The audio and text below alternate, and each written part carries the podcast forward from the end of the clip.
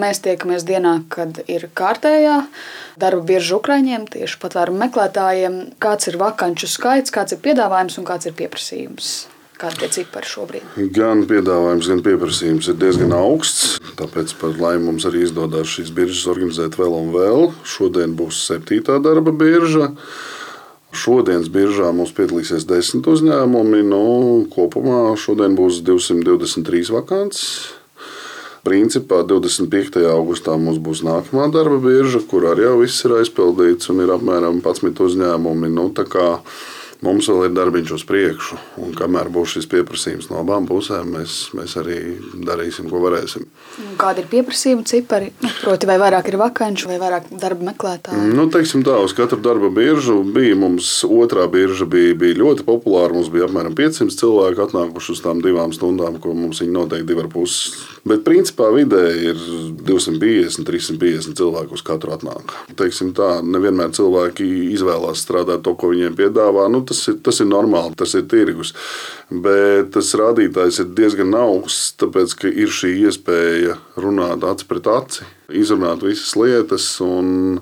Paši uzņēmumi arī ir ļoti laimīgi, viņi saka, ka viņi atrod tik daudz cilvēku, kā viņi sludinot sludinājumos ilgi un dikti nevarētu sameklēt. Un plus vēl tas, ka atrod arī tādas retas profesijas, Piemēram. ko, ko, Latvijā, nu, teiksim, kaut kāda rūpniecības tehnoloģija. Bija uzņēmums, kas gadu bija meklējis Latvijā un bez kaut kādām veiksmēm īpašām, bet šeit uz vienu vakanci viņam vienā biržā pieteicās trīs kandidāti. Pat ar konkurenci. Ja? Jā, tā kā uzņēmumi ir tiešām ļoti interesēti un, un tas spektrs ir milzīgs. Sākot ar ārstiem, inženieriem, nu, beidzot, protams, arī trauku mazgātāji, fasētāji. Un, un Kas dominē, kāds sektors vairāk nu, tā dēvētie vienkāršie darbi vai kvalificētie? Vai? Es teiktu, pusi uz pusi. Nu, pusi, protams, cilvēki.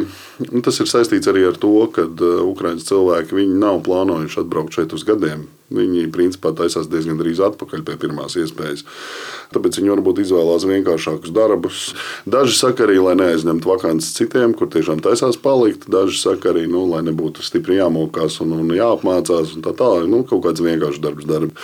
Bet patiesībā mums atrod ļoti daudz arī ārsti Pirmā Rīgas slimnīca, otrā Rīgas slimnīca, Rīgas dzemdību nams. Tiešām kvalificēta ārste nāk, strādā, piesakās. Un tas, es domāju, arī pašām slimnīcām ir interesanti, jo atrast vienmēr vajadzīgos speciālistus ir, ir grūti šeit Latvijā. Kas ir tās vakances savukārt, varbūt, kas ilgstoši paliek brīvas, nu, kuras neaizpildās? Tā nav, jo, jo kaut kāda virzība un grozība notiek. Es zinu, Latvijas dzelzceļš ir pieņēmis vairākus pat uh, ukrāņu konduktors, kontrolierus, celtniecības uzņēmumi atrod darbiniekus.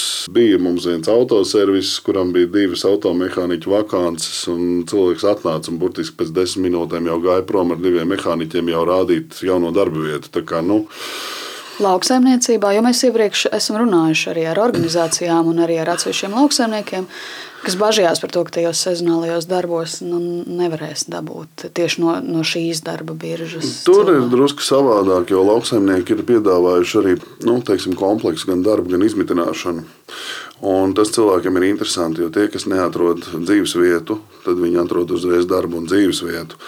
Nu, neteiksim, ka simtprocentīgi varbūt lauksaimnieki dabūs sev visus darbiniekus, bet daudzi no mūsu klientiem ir, ir, ir aizgājuši pie lauksaimniekiem arī. Jā. Kā jūs vispār novērtējat tieši darba devējus? Vai viņi šos cilvēkus uztver līdzvērtīgi arī nu, Latvijas darba ņēmējiem, vai, vai tomēr kā tādu papildus darba spēku, kam ir kaut kādi citādāki noteikumi, vai vairāk tur īstermiņā arī tos līgumus dod, vai arī atalgojums, vai tāds konkurēts? Darba devēja rēķinās ar situāciju. Viņi rēķinās ar to, ka var būt, ka cilvēki nestrādās pārmērīgi ilgi, bet es neesmu dzirdējis katrā ziņā kaut kādu īpašu diskrimināciju, kā runā, ka Ukraiņiem maksāt mazākas algas vai kaut ko tādu. Nē, cik es skatos pēc tiem piedāvājumiem, tas viss ir tieši atbilstoši mūsu situācijai. Nu, cilvēki jau ir ieinteresēti, jo, kā zināms, nu, tas darba tirgus mums ir tāds, ka ir, ir daudz vakances, kur trūkst cilvēku. Un šeit ir tā iespēja, nu, es varbūt teikt, arī Ukraiņas atbalsta likumam, paldies, ka beidzot šiem cilvēkiem nav jāzina augstā kategorijā latviešu valoda, lai sāktu strādāt kas ir arī ļoti pozitīvi, jo vienmēr visiem patvērumu meklētājiem, lai sāktu strādāt, ir jānoliek šis eksāmens, un tikai tad viņi drīkst. Bet šeit ir otrādi, un es domāju, tas arī priekš integrācijas ir ļoti labi. Jo cilvēks tieši darbā sāks lietot to valodu, viņš, viņš būs spiests, viņš, viņam vajadzēs komunicēt. Un, Tas, es domāju, arī uzlabos arī integrācijas situāciju šiem cilvēkiem. Tad šobrīd jūs vērtējat, ka tā attiecība darba meklētāji un devēji šajā biržā ir, ir līdzsvars. Nav tā, ka pietrūkst viens vai otrs. Es domāju, ka vēl ar vienu darba devējiem ir vairāk vakances, un viņi var piedāvāt vēl un vēl. Tāpēc arī mēs tā nu, ar reizi mums ir no, no, no 10 līdz 13 darba devēji, lai, lai to biržu neuztaisītu tādu ļoti milzīgu un, un nebūtu apnikums visās pusēs. Bet ar katru reizi es domāju, ka nu, cilvēki simts noteikti atrod darbu. Ja ir interese teiksim, par šo pasākumu, un varu tiešām arī uzņēmējiem ieteikt, pamēģināt, jo nu, tās atsauksmes ir ļoti labas un cilvēki atrod. Nu, protams, ka varbūt kad, uh, liela uzņēmuma, kuriem ir varbūt 200 vakances, viņi ar vienu reizi to noteikti neaizpildīs. Bet nu, mums ir bijuši tādi lieli uzņēmumi kā Rīgija un Maksima. Nu, tad viņi ir dabūjuši desmitos cilvēku reizi ir vērts pamēģināt, jo, jo šis process tomēr ir, ir vienkāršāks gan pašiem ukrāņiem, un otrs, ka tas ir drusciņi arī filtrs. Jo, teiksim, ja Ukraiņas iedzīvotājs meklē darba sludinājumus, viņš nezina, kas būs otrā pusē, un arī darba devēja attieksmes mēdz būt dažādas. Ir šis pats arī konflikts starp loģiski, daļai kā ir karš, ja daudz darba devēja ir ļoti noraidoši, tad, kad viņiem zvana. Un, un tas cilvēkus nu, atgrūž Tas viņus iedzen tādā bišķi dziļākā depresijā, ka viņš to darbu nevar atrast. Jo nu, tas zvanu procents ir, ir, ir diezgan liels. Tieši tāpat kā ar dzīvokļu meklēšanu, kad ir dzirdēts šis stāsts, ja, kad jūs esat Ukraiņi. Nē, nebūs, nedosim. Ja. Tas, kā jau saku, filtrs, jo pie mums nāk tīri. Mēs runājam ar darbdevējiem, viņi aizpild anketas, viņi saprot, pēc kā viņi nāk. Viņi nāk tieši pēc Ukraiņas cilvēkiem. Līdz ar to nu, tas ir pilnīgi savādāk. Tāpēc tas arī iet vieglāk. Pārējot eh, kopumā pie atbalsta, kāds vispār ir tas vidējais profils Ukrāņiem, kas šobrīd uzturās centrā vai, vai ierodās arī no Ukraiņas? Jā, nu, tas ir loģiski. Karš ilgst jau gandrīz pusgadu. Un patiesībā tie cilvēki, kas brauc šobrīd ārā no Ukrainas, nu, viņi ir uzturējušies šajās kara mocītajā zemē ilgāk. Viņi ir mm, droši vien no krietni vien no postītākām pilsētām. Tāpēc es teikšu tā, nu, tas profils jau tālāk, jo tur redz, ka tam cilvēkam vajag vairāk palīdzības. Diemžēl nu ir tā, ka pie visa traucējošā cilvēkam ir tāda tendence pierast. Arī mēs Latvijā esam pieraduši, ka tas karš jau ir sešus mēnešus. Mūs vairs tā neuztrauc katra jauna ziņa par katru bumbu un tā tālāk.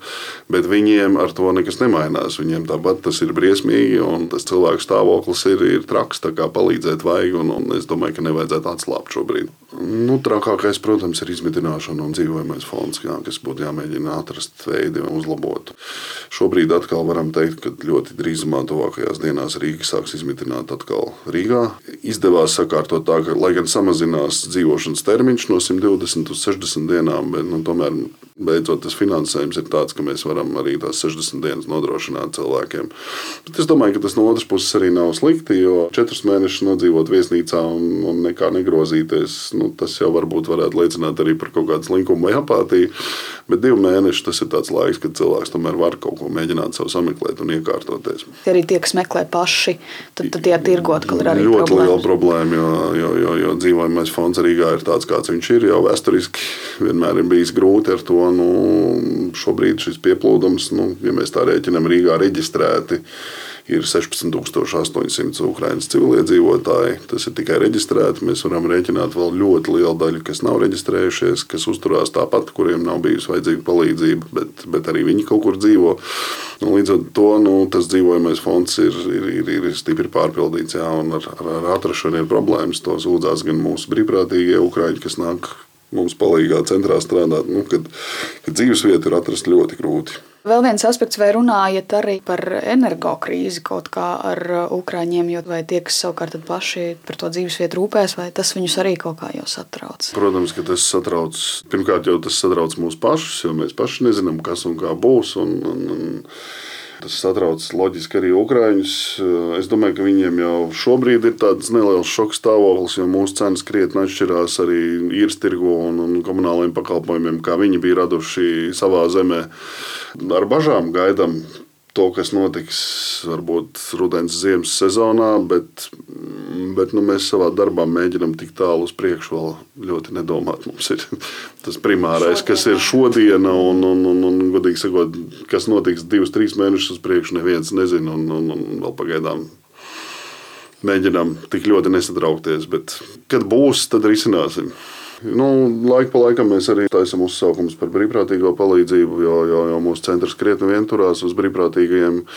Pietrūkst to darbu? Nu, trūkst, protams, un, un tas ir droši vien saistīts arī ar vasaru, arī ar to pašu pieradumu pie procesa jau kā tāda. Nu, Nu, bet sešus mēnešus mēs esam turējušies ar, ar, ar ļoti lielu brīvprātīgo atbalstu, un tas jau ir brīnums, jo cilvēki nāk tiešām katru dienu un strādā bez maksas. Ar ko jārēķinās brīvprātīgiem, ja kāds dzird, varbūt labprāt, bet nezinu, ko tas nozīmē? Nu, kas tas ir? Jā.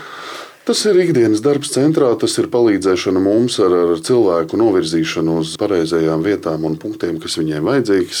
Ir arī dažreiz fiziski darbi, jo mums ir sarkanā krustā pārtiks paku izdalē, tad tur ir drusku jāpakrāmē paciņas un jāpalīdz cilvēkiem viņas izsniegt. Un, Ir darbs mūsu upes virtuvē, var piepalīdzēt, sasmērēt maizītes vai ieliet zupiņu. Principā darbs mums ir divās maiņās, ir no 9 līdz 2 un, un, un no 2 līdz 6. Var izvēlēties, un, un ieejot Rīgas mājaslapā, var atrast linku uz, uz anketiņu, kas ir jāizpilda. Tur var pieteikties, uz kuru laiku tu esi gatavs. Un patiesībā darbs ir interesants tīri ar to, ka drusciņi labāk cilvēki iepazīst to Ukraiņas bēgļu profilu un redz, kādi tie cilvēki ir patiesībā. Tas drusku veicina tādu plašāku redzesloku par to problēmu un, un par cilvēkiem, kas nāk un varbūt salauž dažus labus stereotipus, kas mums ir par bēgļiem kā tādiem ir vērtīgi. Un ir cilvēki, kas ir iesākuši un kas mums nāk tagad katru dienu pierakstās un ir, ir, ir visu laiku. Paldies viņiem par to. Un tas tiešām ir liels atbalsts arī gan centram, gan, gan pašiem ukraiņiem.